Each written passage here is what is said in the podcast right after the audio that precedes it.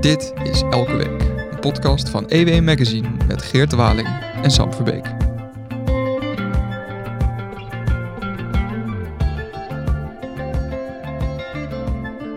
Hi Geert. Hi Sam, goedemiddag. Ehm, ik heb toch een vraag eh, aan jou. Denk je dat er een kabinet Wilders komt of niet? Eh, daar ga ik wel vanuit. Ze, hebben een, eh, ze hebben een lekker vakantiehuisje geboekt. Eh, de aluminium koffiepotten staan weer op tafel, dus eh, dan, dan moet het helemaal goed komen. Ja, want de formerende partijen, eh, althans de, de besprekende, nog niet eens onderhandelende partijen, zijn deze week in Hilversum bij elkaar om, eh, om nader te praten over de formatie. Voor ons tijd om onze collega van de Haagse redactie uit te nodigen, Erik Vrijsen. Welkom Erik. Goeiedag. Leuk dat je er weer bent. Ehm, jij eh, je volgt natuurlijk op de voet. Allereerst, zitten ze nu officieel al in onderhandeling of zijn ze nog steeds in gesprek?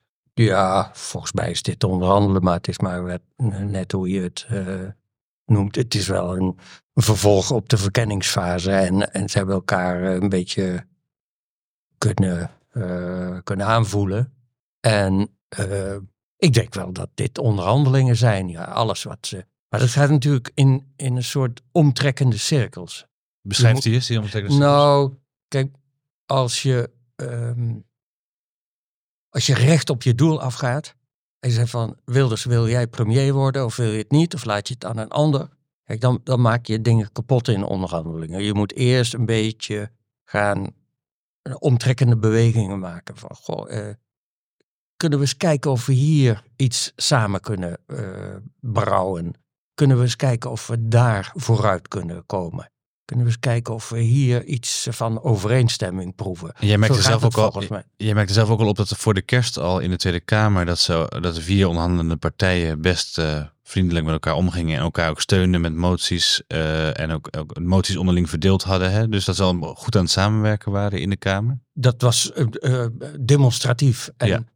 het was ook al demonstratief op het moment dat Martin Bosma tot voorzitter van de Tweede Kamer werd eh, gekozen. Toen zag je ook al dat ze elkaar iets willen gunnen. En zo werd het ook wel beleefd in die zin. eh, ook, ook Bosma was natuurlijk heel erg uitgelaten en, en juichend.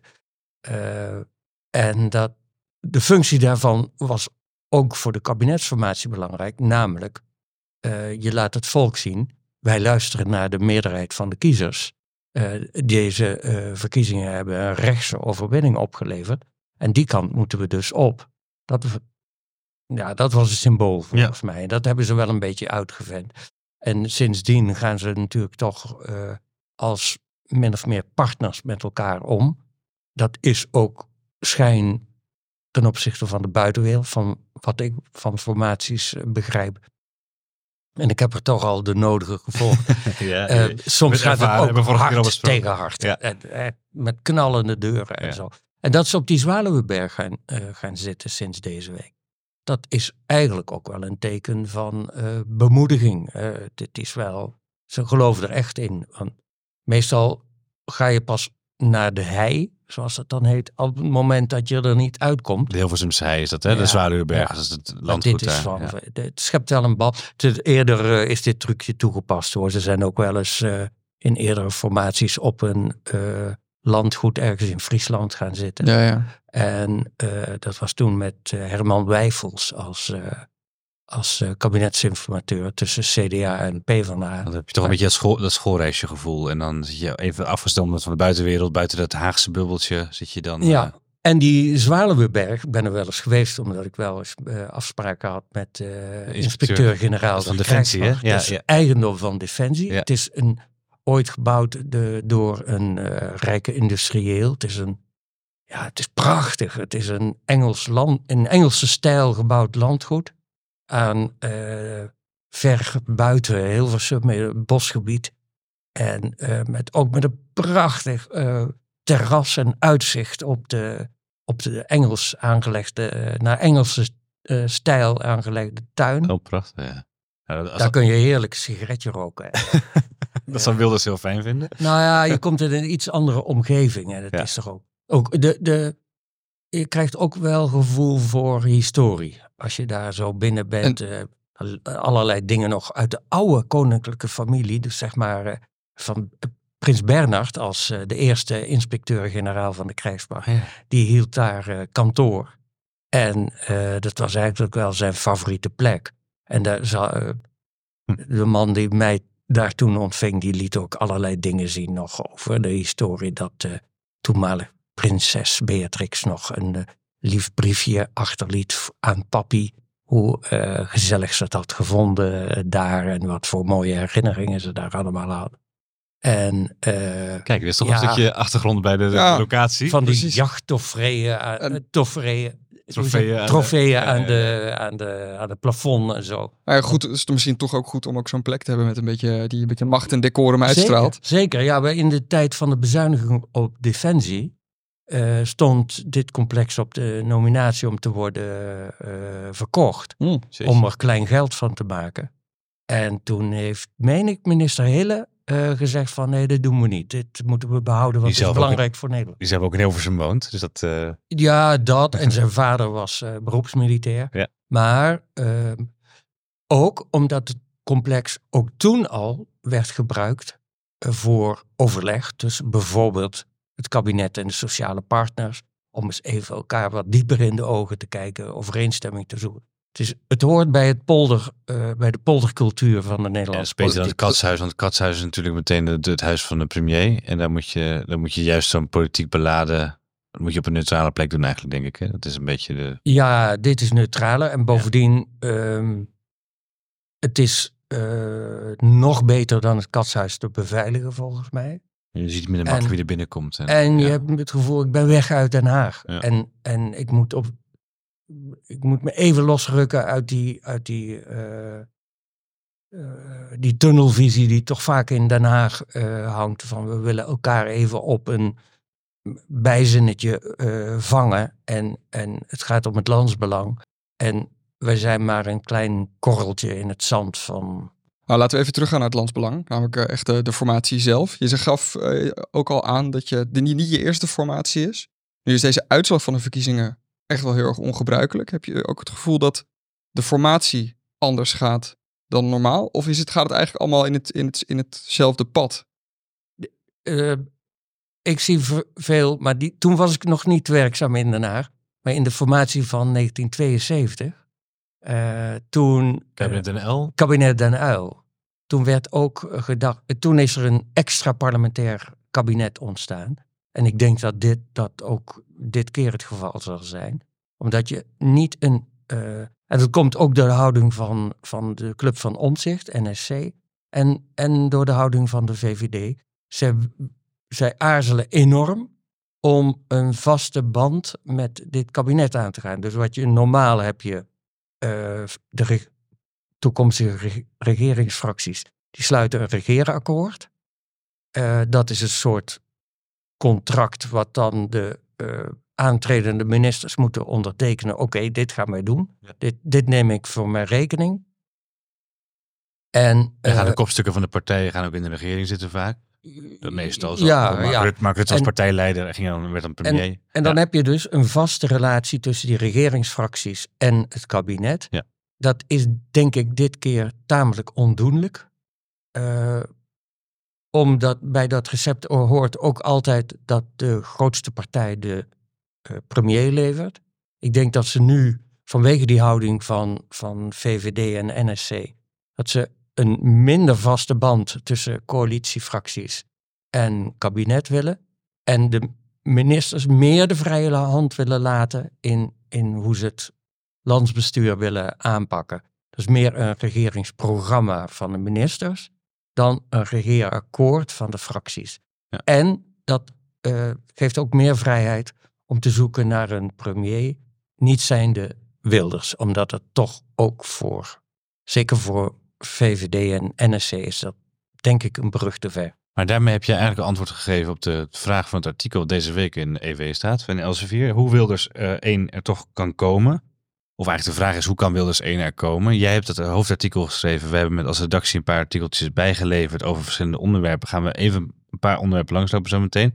Maar eerst even jouw algemene beeld. Want jij bent, je hebt het best ingevoerd. Wilders 1 komt er dus niet in de zin dat premier Wilders er is. Maar er kan wel een premier, er kan wel een kabinet komen wat met de PVV geformeerd wordt met de partijen die nu aan tafel zitten in Hilversum. PVV is de grootste partij, dus eigenlijk moeten zij deze, dit kabinet gaan domineren. Ik denk dat Wilders dat het beste kan door in de Tweede Kamer te blijven. Uh, om, uh, net als zijn leermeester Bolkestein, van daaruit het, het kabinet in een bepaalde Kritisch richting te te, volgen, manoeuvreren. Ja, ja, ja. En ik denk dus simpelweg dat Wilders ook te weinig eigen personeel heeft om uh, al die posten in een, in een kabinet uh, te En, bezetten. en om een goede gezagrijke fr- fractievoorzitter te vinden die hem dan kan nou ja, dat moet in hij zelf natuurlijk in de, Ja. in de- onder controle houden. En, en Erik, ehm, het vorige kabinet, eh, het laatste kabinet Rutte, dat werd eh, heel vaak werd dat een D66-kabinet genoemd. Omdat eh, dat door heel veel D66-beleid in zat. Hoe moet Wilders er dan voor zorgen dat zijn eerste kabinet niet een soort NSC of VVD of BBB-kabinet wordt? het, het vorige kabinet, dat regeerakkoord, Ja. eh, eh, dat had heel erg het stempel D66. En dat is ook logisch. Eh, Door kijk, klimaat, stikstof. eh, ja, ja, en ze hadden geld zat, dus ze konden overal eh, miljarden tegenaan klappen. Ehm, dat heeft. Kijk, uiteindelijk is het, is het vrij snel gevallen, maar het, het regeerakkoord was toch min of meer D66-beleid. Omdat, kijk, Rutte wilde heel graag en eh, D66 play- eh, speelde hard to get. En wat je dan krijgt, dat is toch D66 op veel punten gelijk heeft gekregen. En de, de eh, rechtervleugel van de VVD zei, ja, eh, met name Sophie Hermans, die de onderhandelingen deed, die heeft gewoon te veel weggegeven. En Rutte was druk met het bestuur van het land, want die was er ook nog premier bij. Ja, En eh, eigenlijk was de linkervleugel van de, van de VVD was aan zet. Dat is eh, dit keer ook nog een dingetje wat ik hoor in de VVD-fracties. Ja, we hebben gebroken op migratie. Maar de kandidatenlijst van de VVD, die, eh, daarop stonden toch weinig eh, echt rechtse mensen. Er stonden niet de mensen die bij een harder immigratiebeleid pasten. want Erik van den Burg. Stond redelijk Erik hoog. van den Burg bijvoorbeeld, ja. Stond hoog kwam op stond op vijf. Staatssecretaris. Ja, en de rechtervleugel, wat Hij Brekelmans misschien. Ruben Brekelmans, die stond op zes. Maar eh, wat ik hoor in de wandelgangen is toch eh, dat vooral de rechtervleugel heeft moeite om wat dan heet het dameskartel van de, van de fractievoorzitter en een aantal andere. Ja, want eh, je, er er zijn een aantal vrouwen rondom Dylan Jessegus, die eh, onder andere Claire Martens, die kennen we Sophie Hermans, Bente Becker. met de Bekker, die, zijn, die kennen we landelijk ook. Claire Martens zit er net in, die komt uit de VVD-fractie in de gemeenteraad, hè? ja, Amsterdam bedoel ik dan. ja, dat is Een wel. oude vriendin van, eh van, van Jessegus eigenlijk. Ja, zij is een beetje haar protégé, begrijp ik wel. Ze is zo'n clubje van, van slimme, succesvolle, Ja, vrouwen binnen de VVD. ontzettend belangrijk, maar eh, het is niet bepaald de rechtervleugel van de partij, eh, eerlijk gezegd. En eh, Ja, ja. als die nu hierover moet. En daarom is het, kijk, voor Jezielke is het ook ingewikkeld. Want zij moet aan één kant, ze ziet, Wilders heeft de verkiezingen gewonnen en we, we koersen aan op een, een rechtskabinet. Aan de andere kant, ja, zij hebben verloren. Dus, en en een, een deel van de fractie heeft daar toch grote moeite met, met een deal met Wilders. De meerderheid niet. Driekwart van de kiezers, misschien wel 85% van de kiezers volgens enquêtes, wil een samenwerking van de VVD met, met eh, PVV. Ja, daar kan ze moeilijk aan, eh, voorbij. Dus ze zitten ze een beetje aan het zwalken. Eén keer zeggen ze van nee, we doen het niet. Dan weer wel, dan Ja. weer gedogen. Nou ja, ze is nu aan het onderhandelen en, en ze zit in die... In, Ja, er mocht lange tijd, we begonnen er al een beetje mee, er mocht lange tijd geen onderhandeling heten, maar een gesprek, want ze moesten eerst over de grondwet het eens worden en zo. Langzamerhand eh, tekent zich nu toch een, een soort eh, akkoord af, ook omdat Wilders begin deze week, meteen de eerste dag na het kerstreces, iets heeft gedaan, een briefje naar de Tweede Kamer, voorzitter heeft gestuurd, eh, zijn fractiegenoot Martin Bosma, met eh, eh, wij trekken eh, drie initiatiefwetten die nog liggen van de PVV trekken wij in, met vriendelijke groet, Geert Wilders. Hoe moeten we dat zien? ik, ik zie het als een, en zo is het ook wordt het algemeen wel uitgelegd, een gebaar van Wilders om vertrouwen te wekken. We kijken eens, het is mij niet te doen om die hele rechtsstaat om, om zeep te helpen. Ik heb alleen mijn, mijn in mijn oppositie periode heb ik eh, wilde dingen geroepen en die gaan nu in de ijskast. Want het waren initiatiefwetten die bijvoorbeeld eh, de Koran, Ja, Koran verboden of Je- uitingen ja, van islamitische geloof. is- ja. islamitische geloofsuitingen. En zo. ja, dat kun je. Dat staat zo raaks op de grondwet. Dat kun je het niet blijven detine- vallen. de- detineren van jihadisten zonder tussenkomst van de rechter. Ja, dat is eigenlijk het, wat ze ook in Noord-Ierland werd dat wel gedaan met eh IRA-sympathisanten. Zet ze preventief vast voordat ze een aanslag Ja. plegen. Maar dat is een beetje Guantanamo dat- Bay-praktijken. Dat doen we niet aan in je Nederland. kunt- als, je, Ja. als je letterlijk dat, dat wetsontwerp eh, las, eh, mensen die sympathie betuigden voor jihadstrijders, die zouden dan al in het gevangen moeten komen. Dus dan, dan krijg je een soort gedachte. En het derde was ook nog het afpakken van het, eh, van, van het, eh, van het de kiesrecht. dubbele de- nationaliteit. eh, hè? mensen met dubbele nationaliteit mochten, zouden hun passief en actief kiesrecht verliezen. En alle drie die voorstellen waren door de Raad van State met klem afgewezen. Dat kan niet, ja. uiteraard, dat snappen we allemaal. Maar die lagen nog wel op tafel. En, en die En geen kans op een meerderheid in, Nee. in het parlement. Die Maar waren toch- echt het waren dode letters. Maar het is van Wilders wel een gebaar van goede wil. Kijk eens, ik haal ze van tafel. Is, was, het, was, het een eis, was het een eis van de andere partijen? Ja, dat denk ik wel. Ja. En dat- ik weet niet of ze het zo keihard hebben eh, gezegd. Maar eh, ik, ik had het al in de, de eerdere versies van mijn artikel. Je werkt natuurlijk. een- Ja, jij zei dat ik het tegen mij. Ik, ja, ik, ja. ik wist van dit moet van tafel, want anders dan, eh, dan kan hij het vergeten. En er liggen overigens nog meer wetsontwerpen waarvan de anderen zullen zeggen, oké Geert, als jij zo graag met ons zaken wil doen, dan gaan deze dingen ook van tafel. Denk je dat dat nog gaat gebeuren? Ja, Wat- Ja, dat een voorbeeld. Wat zou er dan nou ja, een, wetsontwerp dat vorig jaar voor mei of zo is ingediend door eh KOPS van de, VV, van de PVV. Dat is een voorstel om bij de toewijzing van huurwoningen Nederlanders voorrang te geven op niet-Nederlanders. Ja, dat is toch ook, staat op zeer ges- gespannen voet met eh, in ieder geval de praktijk van eh, asielzoekers zo snel Ja. mogelijk eh, eenmaal erkend eh, inburgeren in Nederland. Dus een huurwoning toewijzen. En staat ook op is dat iets wat de VVD en NSC ook wel weer interessant zouden vinden? En BBB zeker? Ja, maar je kunt het niet zo opschrijven en, en hooguit Nee, zit maar- in de, in de en, Maar als je dat echt een, een wet... Maar heeft bijvoorbeeld, Wilders heeft ook een wetsontwerp om het staatshoofd puur ceremonieel te maken. Dus eh geloof je dan wel dat... dat Stampen nog uit de tijd van Beatrix? Dat, die, die zo links was volgens hem? Of was dat, eh, is dat nou, eh, ook Ik later weet vond niet precies wel? wanneer hij Ja. dit wetsontwerp heeft ingediend. Maar hij wil, de koning mocht dan nog wel de troonrede voorlezen. Maar minst, het leerstuk van de ministeriële verantwoordelijkheid, dat zou komen te vervallen.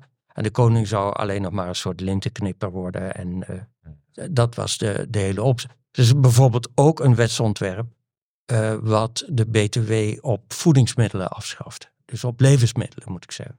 Maar dat zijn toch gewoon niet zulke hele grote principiële thema's? dat zijn dan dat niet, dat raakt niet de grondwet. eh, Rechtsstatelijk klein bier zou je zeggen, toch? maar het is wel, kijk, voor de VVD is het wel een lastige. Want ja, als nou, eh, als je toch het, het, eh, de overheidsfinanciën op orde moet, wil Mhm. houden. En, en ze komen veel geld tekort hoor. Want eh, die vorige formatie, daar klapt het, of de klotst het geld tegen de plinten. Nou, dat is nu wel anders. Dat is één Eh, thema ook in het artikel hè, wat, jij hebt, wat jij hebt geschreven. En het thema is de economie, finan- financiën. Eh, Hoe kan een kabinet Wilders tot stand komen als je kijkt naar die financiële paragraaf?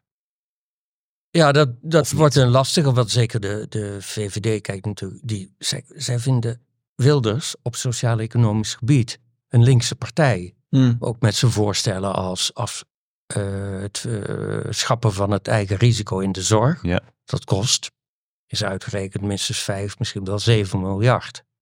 Ehm, het, eh, ook die, die BTW op levensmiddelen, ja. Als je dat gaat afschaffen, dan slaat natuurlijk een enorm eh, gat in de, in de begroting. Ja.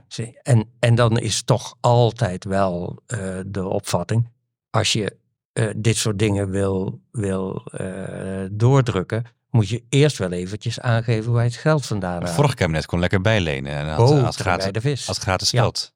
Dat collega Joris Heijn van de economieredactie, die dat stukje in de, in de productie van deze week heeft geschreven. Dus ja, ben daar nou niet al te bezorgd over.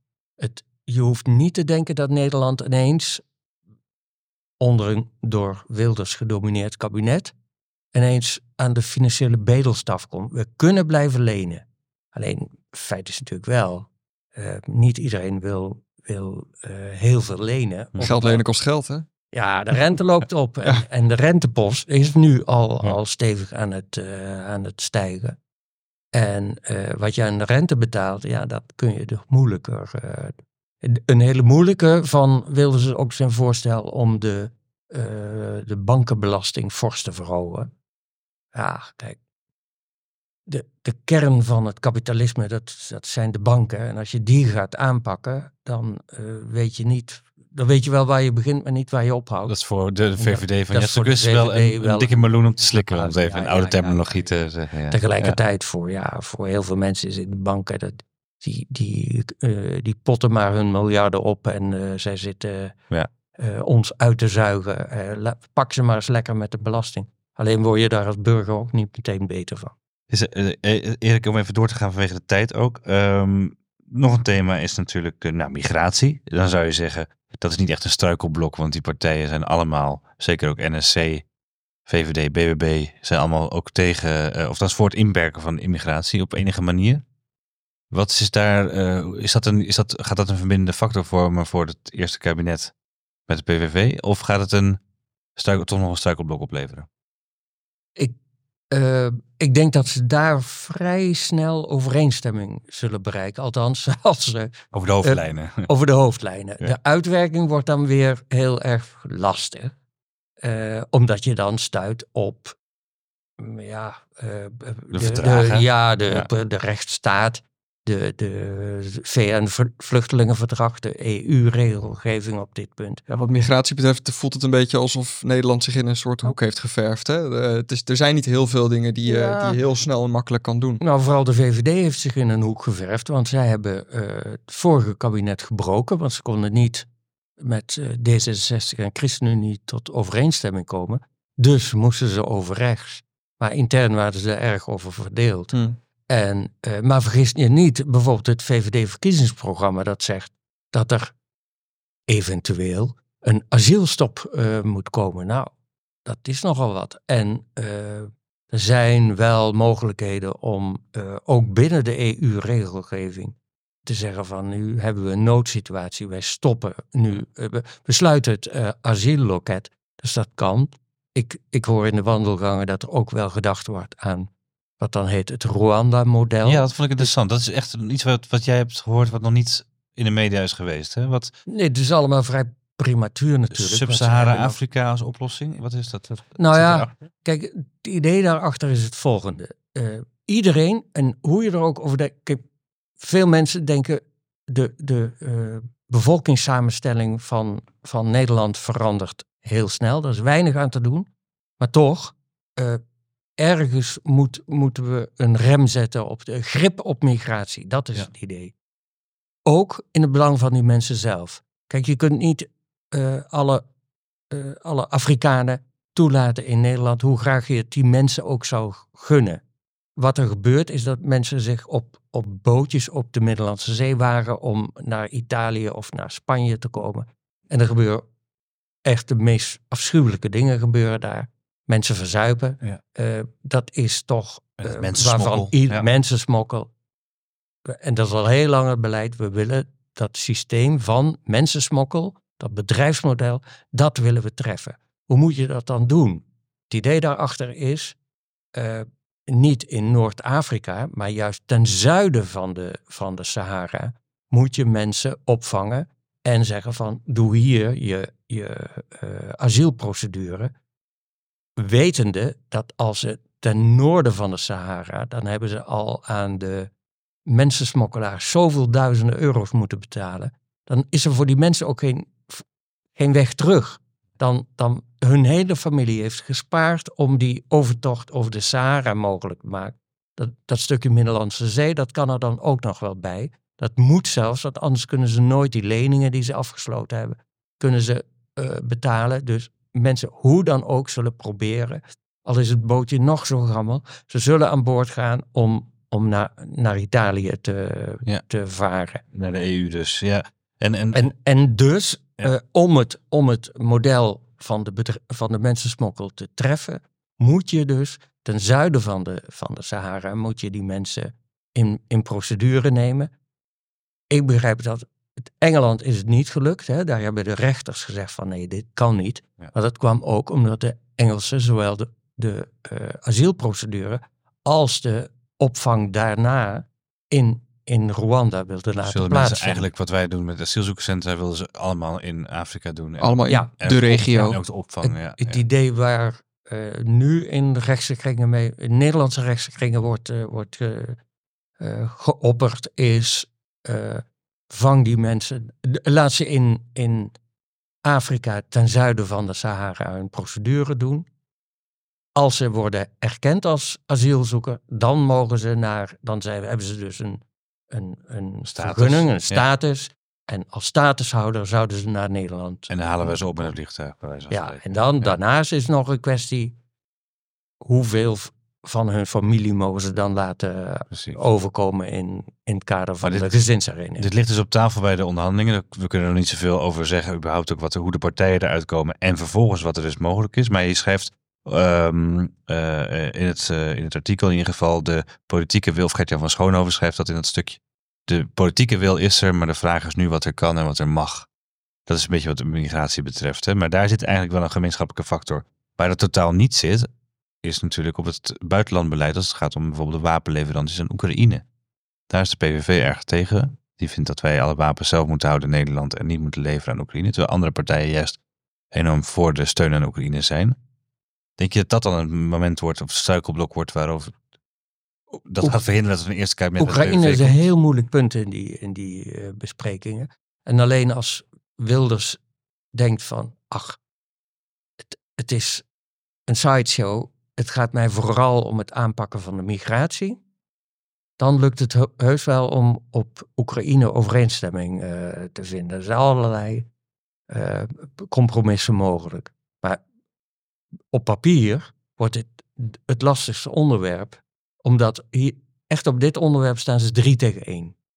Eh, BBB wil Oekraïne blijven steunen.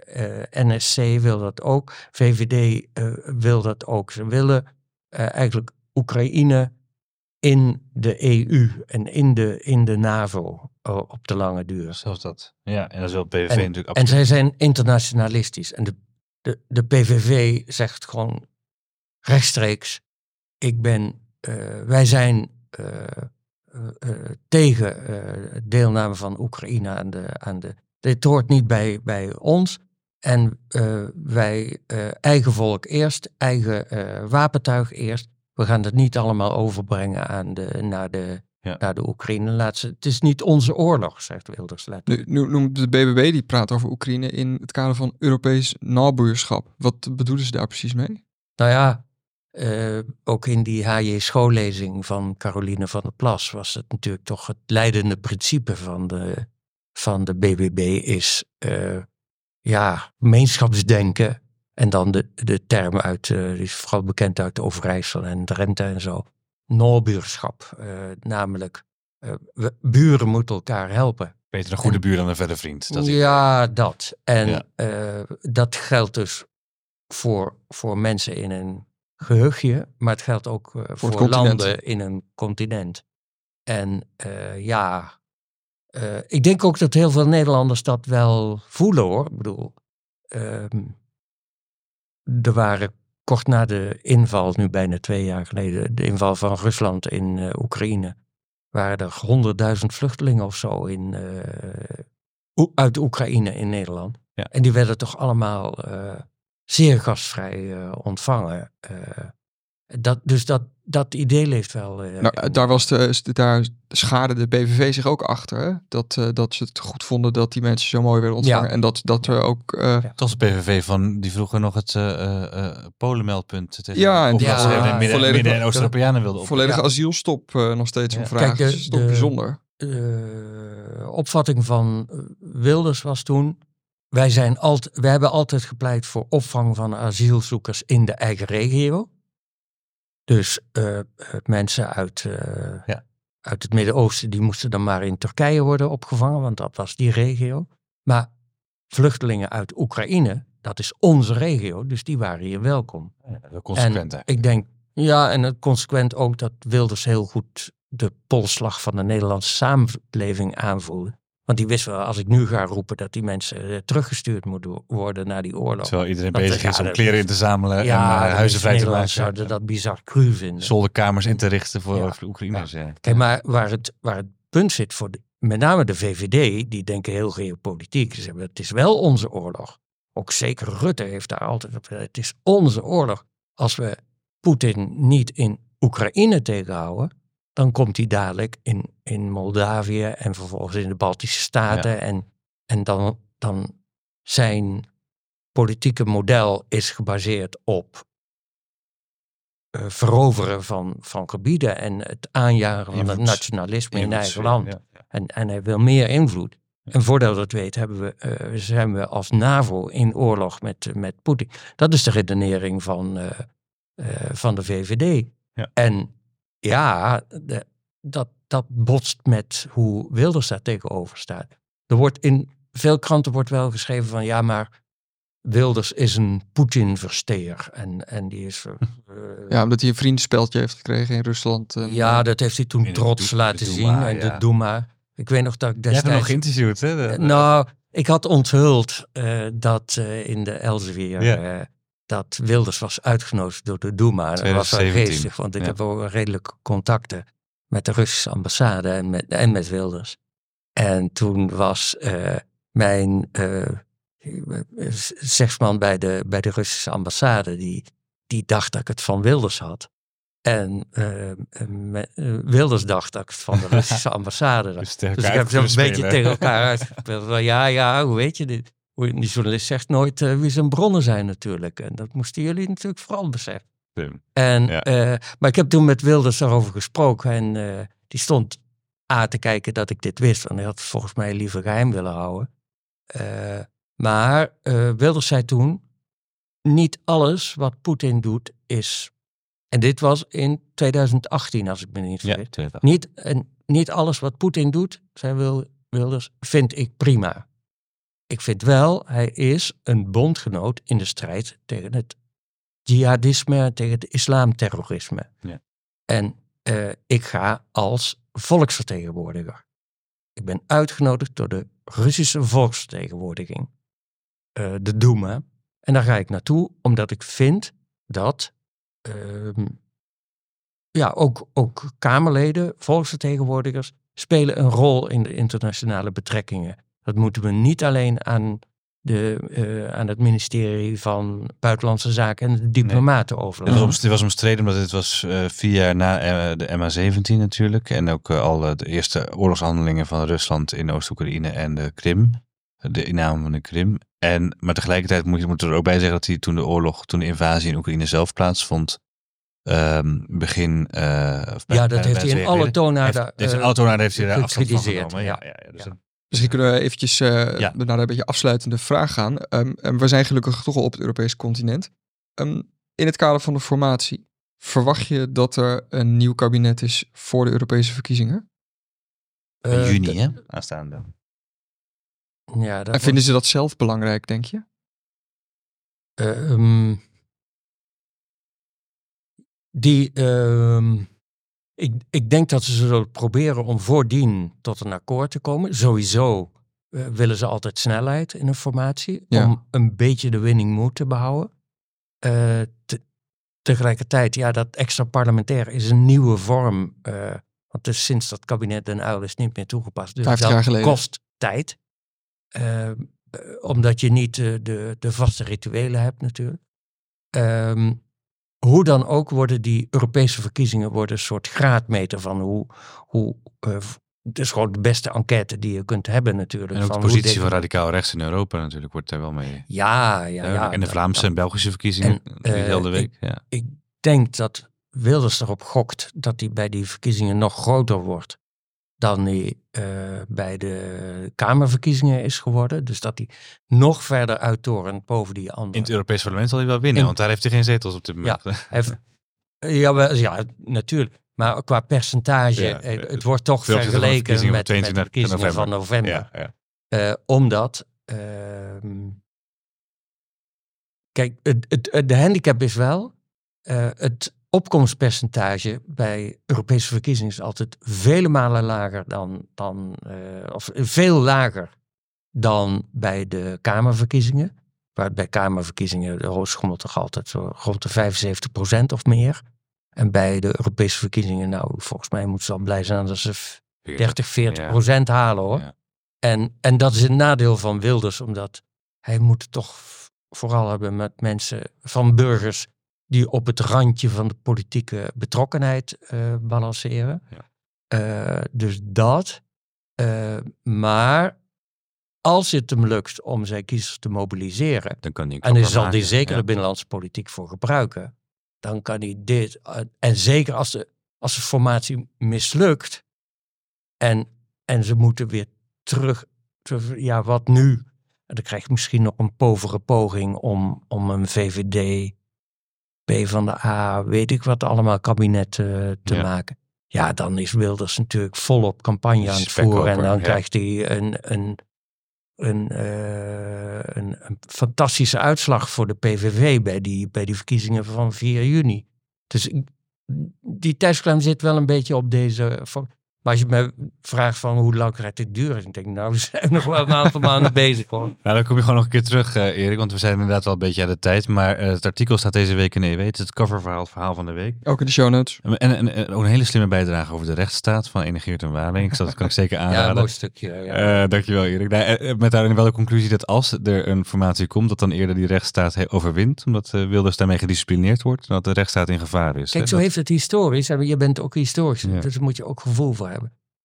Um, in, in, nou, ruim 100 jaar geleden waren de antirevolutionairen, dat was een, en zeker de katholieken, dat waren protestpartijen. Ja. He, die kwamen op uh, en, en die, de, de liberale elite wist eigenlijk niet zo goed wat de ze kleine luiden hè, van Abraham De kleine luiden, ja, die kwamen op.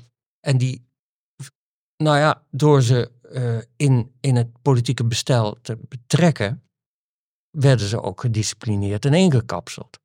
Hetzelfde gebeurt met de socialisten, die tot 1939 eigenlijk werden geweerd uit... uit als cordonsanitair. Ja, ja, ja, ja, als, als regeringspartij. Ja. In 1939 waren ze ineens welkom. En, en, en kijk, kijk, hoe dat, kijk hoe dat afliep. ja, precies. En, maar dat is zoals politiek ook hoort Nee, het heeft een disciplinerende werking. Hè? Populisme is, moet uiteindelijk zijn, zijn uh, stem in de politiek krijgen.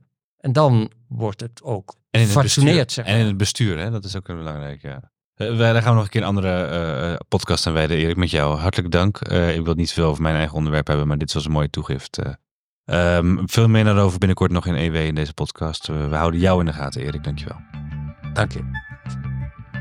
Dit was Elke Week, een podcast van EW Magazine met Geert de Waling en mij, Sam Verbeek. Zoals elke week kan je de besproken artikelen ook vinden in onze show notes. Voor dit een leuke podcast, abonneer je dan en laat een leuke review achter.